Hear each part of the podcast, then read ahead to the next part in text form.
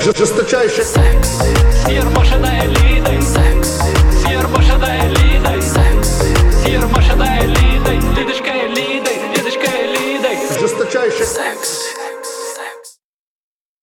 Добрый вечер, мои дорогие радиолюбители!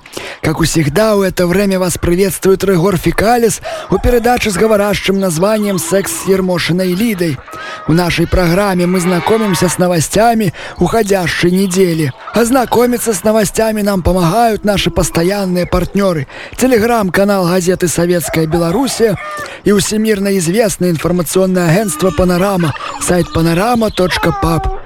На минувшей неделе у Бресте началось формирование двух курдских полков ополчения. Им выпала честь первым встретить удар западного агрессора и героически пасть за нашу родину. Выживут, как у всегда, единицы. Киберпартизаны взломали сайт Браславского торфобрикетного завода.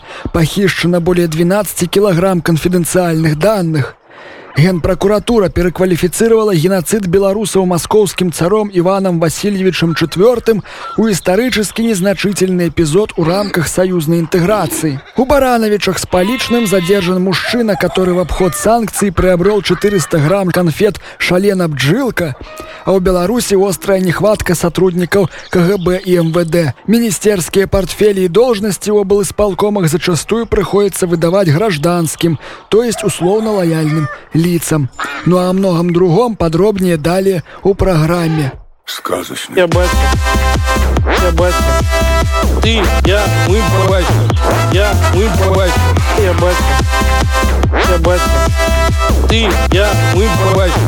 Я, мы батя. Начнем с цитаты премьер-министра Романа Головченко. Он прокомментировал экономические показатели у стране. Зарплаты растут быстрее, чем падают цены. Это если так по-простому сказать. Западное мировое правительство, которое уводит опять-таки ограничительные меры, просчиталось и очень слабо понимает, что у Беларуси происходит. Они до сих пор не поняли, что мы контролируем все цифровые показатели у стране. Утром выпил. День свободы. Председатель Государственного военно-промышленного комитета Дмитрий Пантус заявил, что для обороноспособности Беларуси нужно использовать свое стрелковое оружие и предложил разработать отечественную дульнозарадную винтовку. Массандру брать. Женский коллектив колхоза «Перамога» объявил бойкот механизатору Арнольду Ивановичу, который во время обеда 10 минут листал деструктивные телеграм-каналы. Теперь Арнольд Иванович вынужден сохранять свой половой суверенитет. Утром выпил. День свободы. У ответ на пятый пакет антибелорусских санкций Вадим Гигин подготовил два пакета с импортными тюбиками, флаконами и бутылками.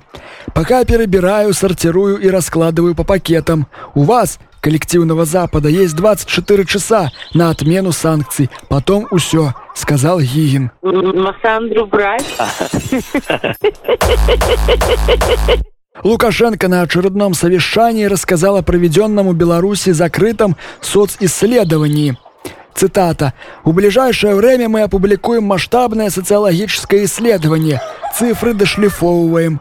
Мы брали людей из разных трудовых коллективов, и они отвечали закрыто на многие вопросы.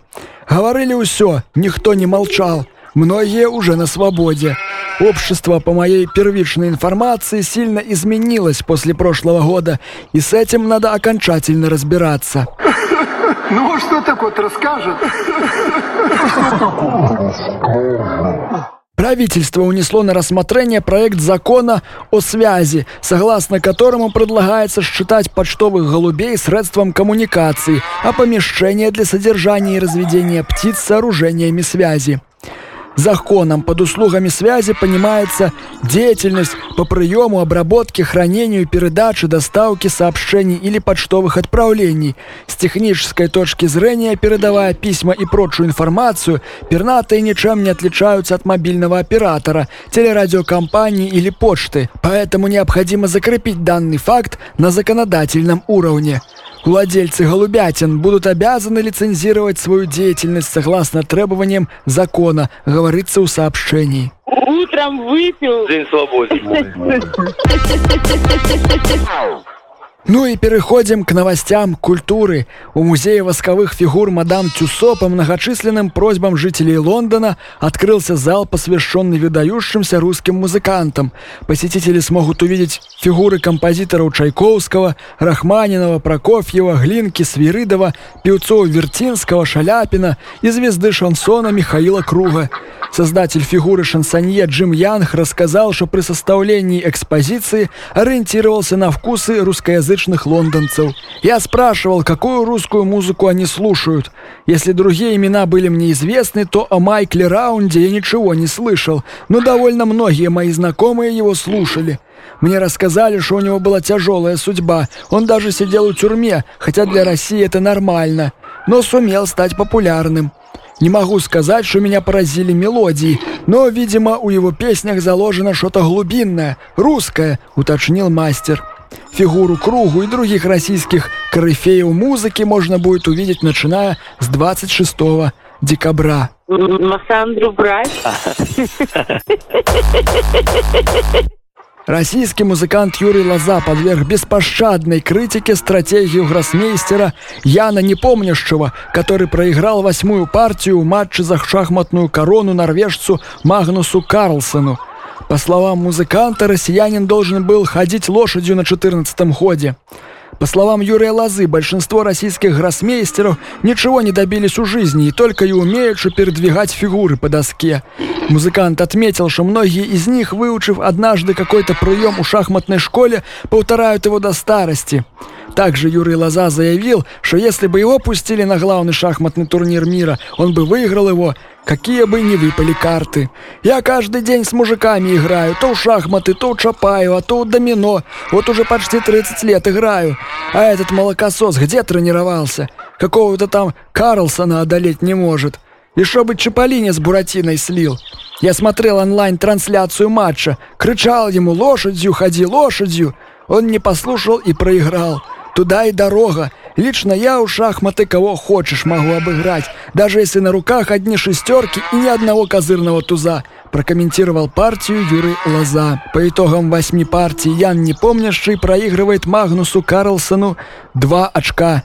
Он проиграл две партии, в остальных случаях гроссмейстеры сыграли у ничью. Ну, Юра, в общем-то, как всегда, хотя с другой стороны и правильно. Уж он-то их научил бы. На этом вашем загнивающем западе про таких, как Юра, говорят «Джек of all trades». Вот так вот. Да, поэтому специально для Юрия Лозы поставлю его любимую песню ансамбля «Стикс». Песня называется «Лодка на реке». Ну а с вами я прощаюсь, мои дорогие. До новых встреч. Жесточайший Секс, сир машина элиты